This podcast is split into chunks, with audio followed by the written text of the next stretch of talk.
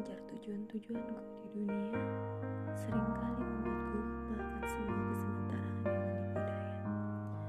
Menangkap cinta yang ternyata hanyalah buayan rasa, menjadikanku seseorang menyia-nyiakan kesempatan yang ada.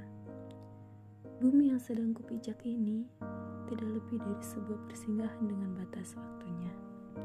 Sekiranya ada sesuatu yang selamanya itu bukanlah aku bukan tubuhku, bukan waktuku, bukan semesta yang kutempati, bukan impian yang telah aku raih, bukan juga orang-orang yang kusayangi. Seluruh yang menjadi milikku saat ini, suatu saat nanti akan kau minta kembali. Sekarang, aku sungguh-sungguh berpasrah atas segalanya. Tadinya aku sangat mengkhawatirkan banyak hal, seperti cinta yang tak berbalas, dunia yang tak terkejar, mimpi yang tak tercapai, dan kekosongan yang tak terisi. Namun tidak lagi yang menjadi kekhawatiranku saat ini.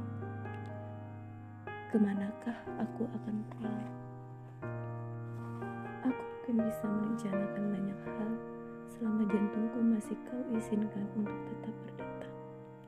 Akan tetapi, rencanamu tak ada yang bisa mematahkannya. Tidak ada yang pasti di dunia ini kecuali garis kematian yang sedang menunggu sasarannya. Sempat aku dibuat gemetar hebat mengingat suatu saat tubuh ini akan terpisah dengan nyawanya. Di manakah aku akan berakhir?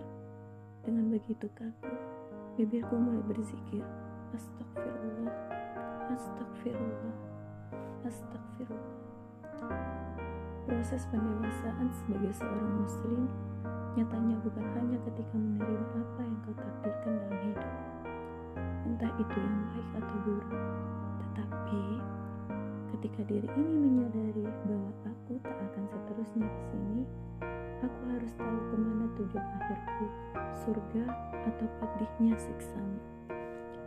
Jawabannya harus kupilih dari jauh-jauh hari, agar saat berpulang, Engkau menempatkan aku di sebuah tempat yang ada lagi kesedihan dan kekecewaan di dalamnya. Surga dengan segala keindahannya yang selama ini di dunia haru aku usahakan dengan sebaik-baik pengusahaan.